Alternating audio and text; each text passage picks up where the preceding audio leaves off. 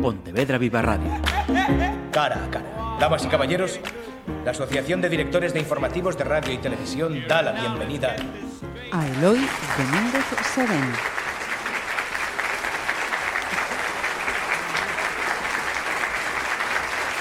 Convidamos a este cara a cara a un director de cinema, a un director de cinema pontevedrés, concretamente de Simes, Meaño.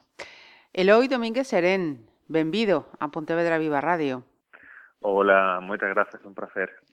Eloi, teño que decir felicidades, aínda que finalmente non puidese ser como todos eh, houvésemos eh, querido. A túa curta, Rompente, estuvo preseleccionada entre as curtas cara aos Goya 2023, pero este traballo está a ter unha trasectoria de premios eh, nacionais e internacionais polos que hai que decir felicidades. Dende a última edición do FIC Bueu ata a biznaga do Festival de Cinema de Málaga, Eloi, como está sendo para ti? Como estás vivindo como directora a acollida de Rompente?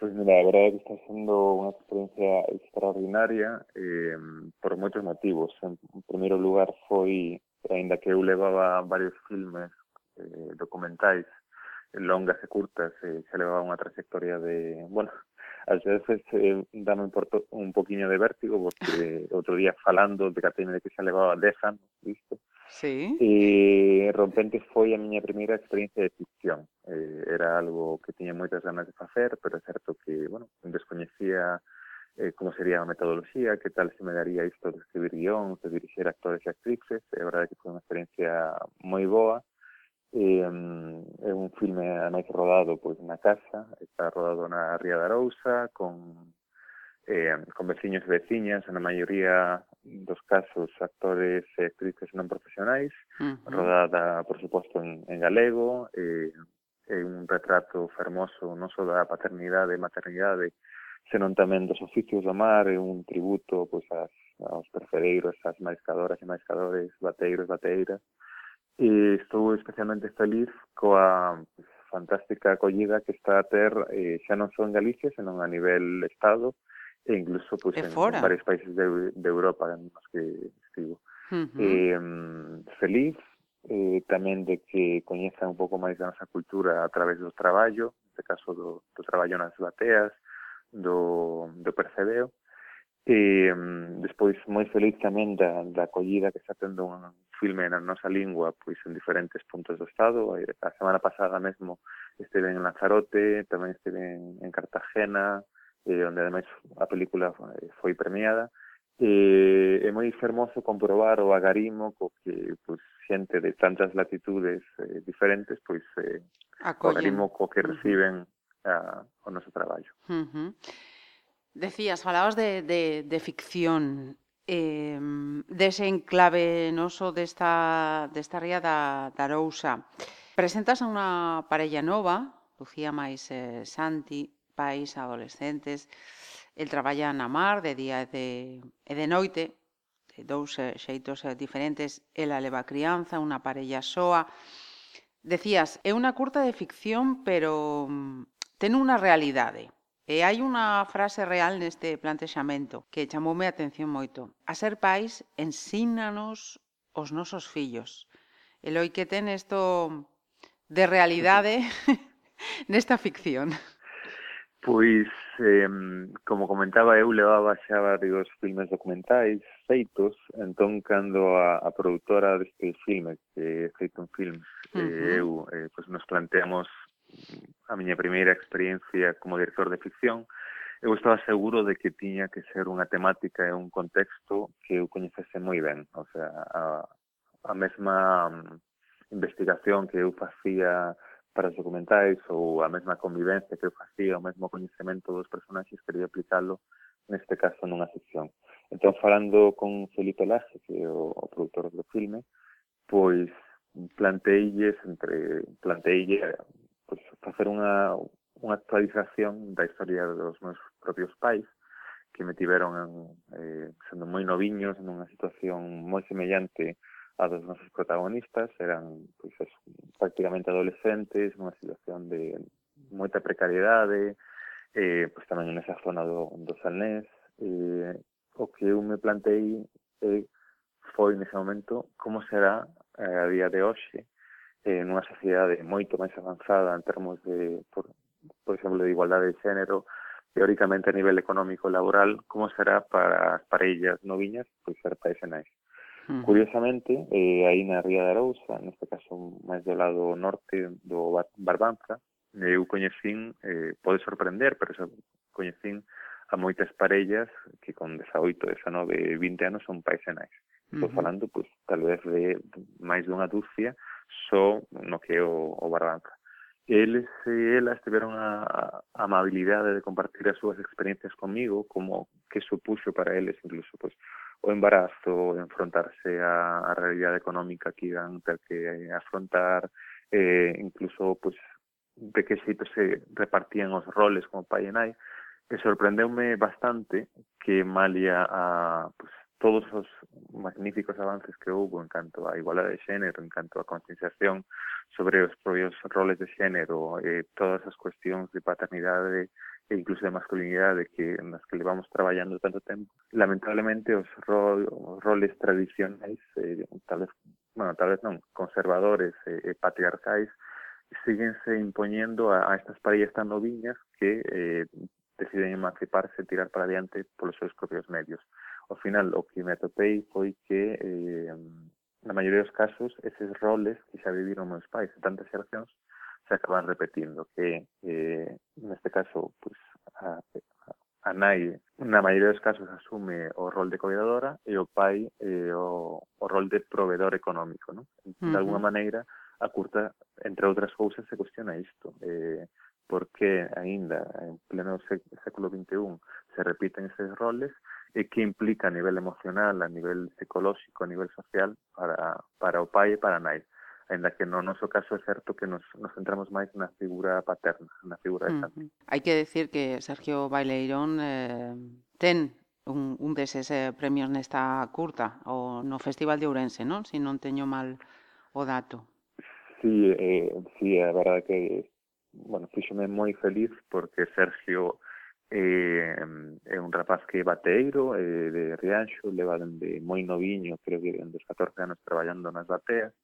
Era a súa primeira experiencia como, como actor, que non a última, por certo. Eh, uh -huh. A raíz disto, eh, pues, chamaron non xa para unha longametraxe. Uh -huh. Ah.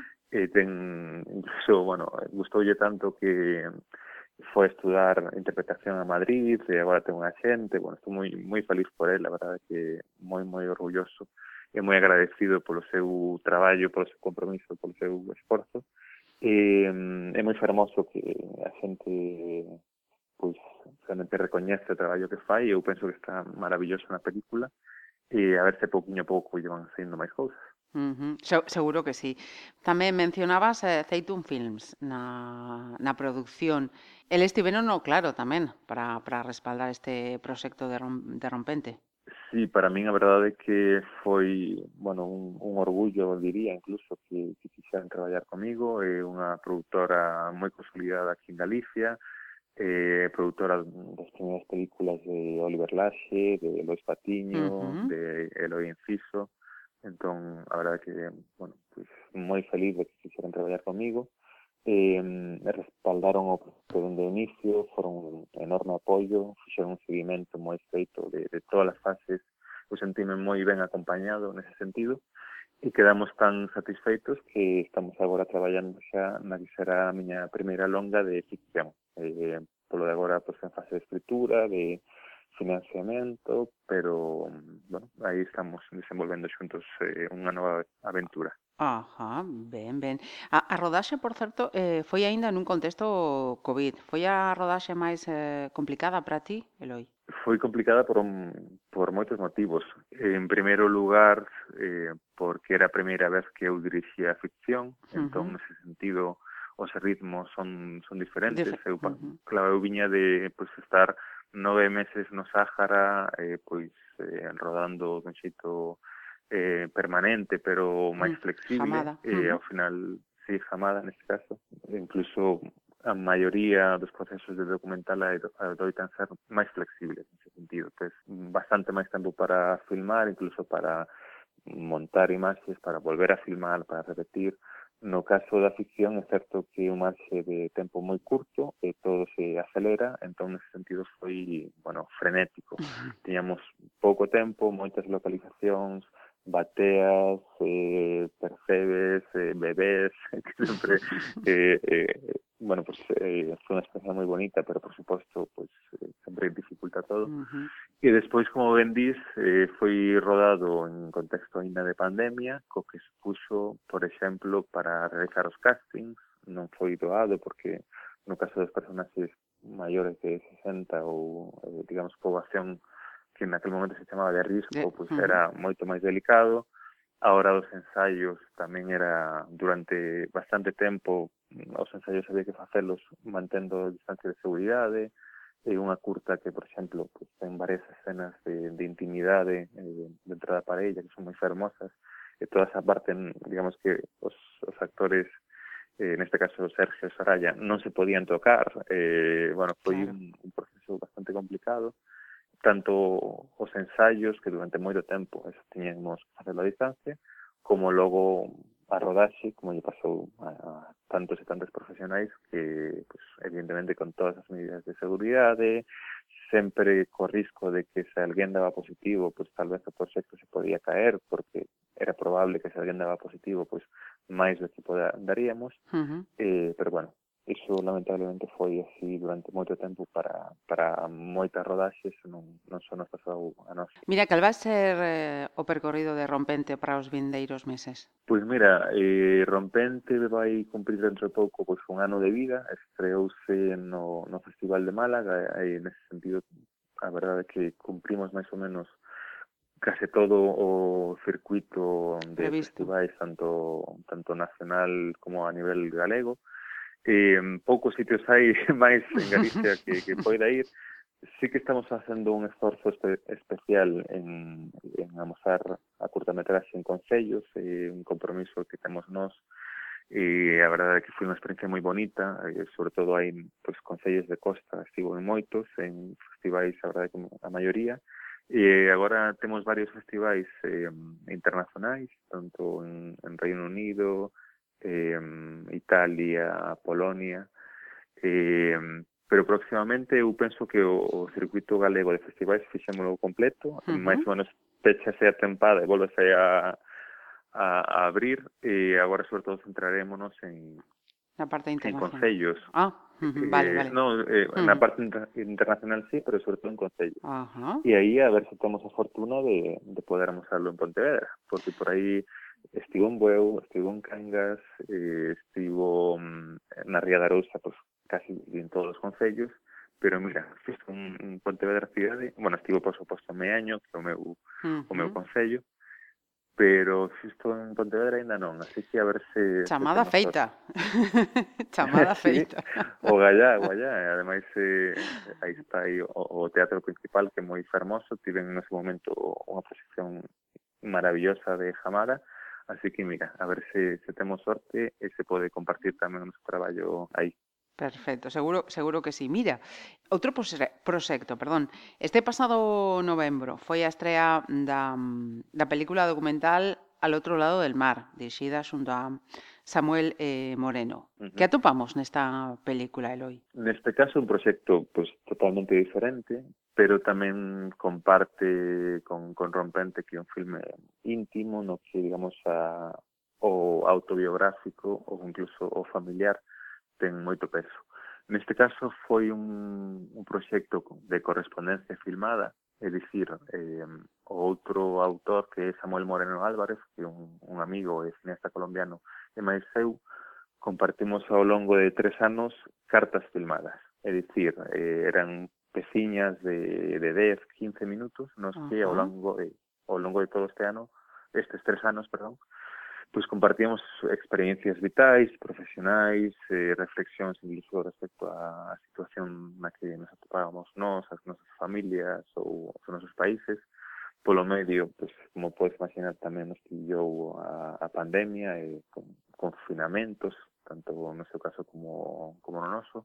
E, entón é unha película que de alguna maneira é unha especie de oda á amizade entre dúas persoas de ambas as dúas beiras do Atlántico. Uh -huh. E, a verdade é que é moi bonito porque, inda que de entrada son poden semear dúas culturas eh, pues, afastadas ou moi diferentes ou con grandes contrastes que, por suposto, o son, tamén hai unha parte de paralelismos, non? Eh, uh -huh. Temos os dous a mesma idade, os dous nacemos no 85, os dous vivimos momentos profesionais e, eh, e, vitais e familiares semellantes, no seu caso el ademais é pai, eu, eu ainda non, eh, entón hai unha parte moi bonita que pois, eh, como vivimos, por exemplo, a o confinamento coas nosas familias, Ajá. como saímos desa situación e como continúa a nosa vida, eh, pois no seu caso en Colombia, no meu en Galicia, e incluso, mm, bueno, sen facer ningún spoiler,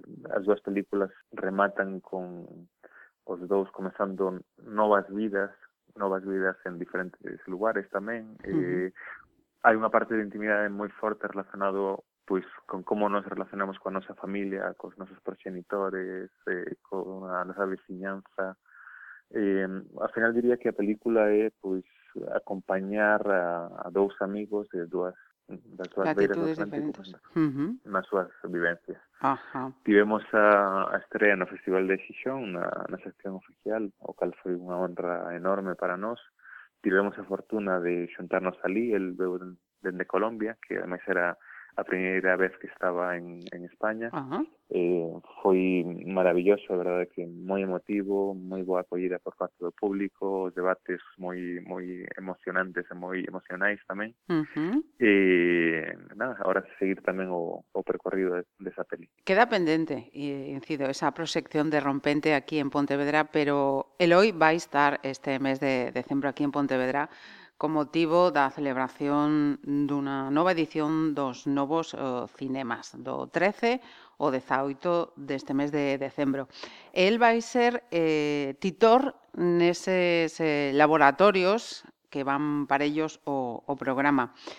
Em, como ves xa esta experiencia, Eloi? Pois moi agradecido pola confianza, sobre todo, porque eh, eu considero que unha grande responsabilidade eh, o laboratorio de novos cinemas, ao igual que moitos laboratorios, moitos festivais, o que fan é eh, convidar eh, proxectos que están en diferentes fases de desenvolvemento e o noso traballo, eh, neste caso como tutores, é tratar de eh, acompañar, tratar de, sobre todo, es, escoitar o proxecto, tratar de comprendelo e aportar a, a nosa experiencia. En este caso estou moi ben acompañado de Isona Armercha, de Elodí Mellado e de Monse Triola. Cada unha delas ten unha especialidade, Monse produtora, Elodí tra traballa en filming, é máis programadora e distribuidora. Uh -huh. Isona ten moita experiencia en, en festivais, incluso ela traballa na, na Berlinale. Entón, en, no meu caso, pois son, son director de cine. Supoño que, de alguna maneira, nos eh, poderemos aportar diferentes visións a estes proxectos. Eh, neste caso, ademais, moi ilusionante porque son son proxectos de catro autoras eh, moi noviñas, Muller, entón sí. as catro mulleres, as catro pues, máis novas que a min, eh, moi mm. novas e eh, con, con visións moi diferentes, eh, para min, ademais de estar como auditor, pois estou para, para aprender. En ese sentido, sinto-me moi afortunado tamén de poder entrar no proceso creativo destas catro autoras, comprender a súa visión e tratar de, na medida que poida, eh, poder aportar algo. Sobre todo, eh, eh, bueno, algún tipo de asesoría, pero confeso que aproveito sempre estas ocasións para, para aprender eu mesmo delas. Pois un luxo. Decía o comezo Eloi esa referencia os Goya 2023 estivo preseleccionada, finalmente pois non pasou a, a estar entre esas eh, cinco finalistas. Como quedas despois de, de, de estar tan tan preto de, de, de ese obxectivo que, que ao final pois non, non este rompente? Mm, pois feliz, sinceramente agradecido e moi incluso satisfeito porque mm, algo como os Goya pois permite que o noso traballo chegue a, a un público que ás veces non é tan doado eh, ao que non é tan doado chegar con a curtametraxe. Uh -huh. Sentido, eh, é certo que finalmente non entrou entre as cinco finalistas, eh, digamos que fomos preseleccionadas 15, desas 15 só podían entrar cinco uh -huh. lamentablemente non, non entrou, pero tiven a fortuna de, de recibir eh, mensaxes persoais de académicos e académicas, xente que eu admiro moito, actores, directores, guionistas, que grazas a, a estar preseleccionados, pois pues, a viron eh, a través, en este caso, da plataforma dos académicos e académicas, uh -huh. eh, se pusieron contacto, en contacto con nos. Entón, eh, pois pues, feliz por ter sido preseleccionados, eh, moi satisfeitos con pues, estar aí con curtas de, de enorme nivel e despois, sobre todo, moi felices unha vez máis por poder compartir pues, a cultura galega, neste caso unha curtametraxe rodada en Galicia en galego, eh, pues, con, con espectadores e espectadoras do resto do Estado. Uh -huh. eh, para min se, sempre importante pues, eh, ademais do meu traballo, creo que hai unha parte, digamos, de compromiso coa cultura, que é eh, poder compartir a nosa linguaxe con pues, xente de, de moitísimas geografías. E neste caso que académicos, académicas de todo o Estado viran unha curtametraxe en galego, pois faime moi, moi feliz. E que, de novo, a, aceptasen, a, a, nos hacen moitísimo eh, agarimo por ela, eh, porque sí que me gusta insistir en que eu, cando comparto o meu traballo, eh, en diferentes, neste caso, pois cidades ou, ou regións de España, eh, atopoume case sempre con, con moito agarimo. Eh, comparto unha anécdota que foi na, na estrea en Málaga, pois máis ou menos compartimos eh, Rompente eh, Alcarraz de Carla Semón, unha película rodada en catalán. Uh -huh. eh, compartimos estrea, e sí que notabas, eh, pois neste caso en Málaga, eh, pois público mayoritariamente andaluz, moito agarimo por esos proxectos. Entón, insisto, sempre que alén de algunhas friccións que se dan e que se fomentan incluso dende diferentes eh, perspectivas ou posicións políticas eh, o que eu sempre me atopo compartindo a nosa cultura, a nosa lingua a nivel Estado español e eh, pois moi boa recepción, agarimo, eh, curiosidade, interese eh, Entón, nese sentido, pois moi feliz e moi optimista. E para a vindeira mm, temos outra ocasión, esta vez con longas incluso. O gallá, o gallá. que hai que facela primeiro, pero sería sería maravilloso, por suposto. Quería preguntar se si podemos falar de mm, próximas eh, rodaxes, eh, proxectos, o, o hai que ser sempre prudentes. Ti falabas nunha primeira longa de, de ficción, sería ese? Sí, sí, sí. A prudencia é importante, pero eu sou moi entusiasta e, e sempre moi optimista, entón sempre penso que todo vai seguir adiante. Entón, neste caso, é a miña primeira longa metraxe como director, que vai ser de novo producida por Feitun Films. Eh, chamase Trelovento, eh, é unha historia que está ambientada no interior de Ourense, que agora mesmo estamos en fase de, de desenvolvemento. Por unha parte de escritura, xa, xa existen varias versións de guión, pero bueno, o, o guión é algo sobre o que hai que regresar unha e outra e outra vez, está sendo bastante bonito, exixente, pero bastante bonito, eh, incluso coa perspectiva do tempo, regresar unha vez máis ese guión e e darlle todas as voltas posibles. E por outra parte, pois, esa parte de financiamento que, que fundamental, sobre todo nun proxecto grande, ambicioso como será esta longa. Ajá. Pois quedamos pendentes entón dese proxecto, desa primeira longa metraxe de ficción de Eloi Domínguez eh, Serén.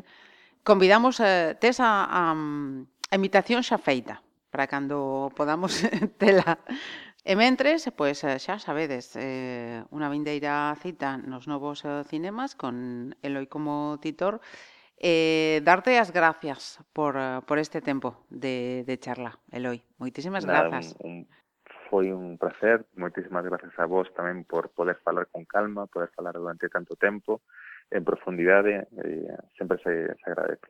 Pontevedra Viva Radio ¿Me permiten que les haga un comentario como espectadores del programa Cara a Cara?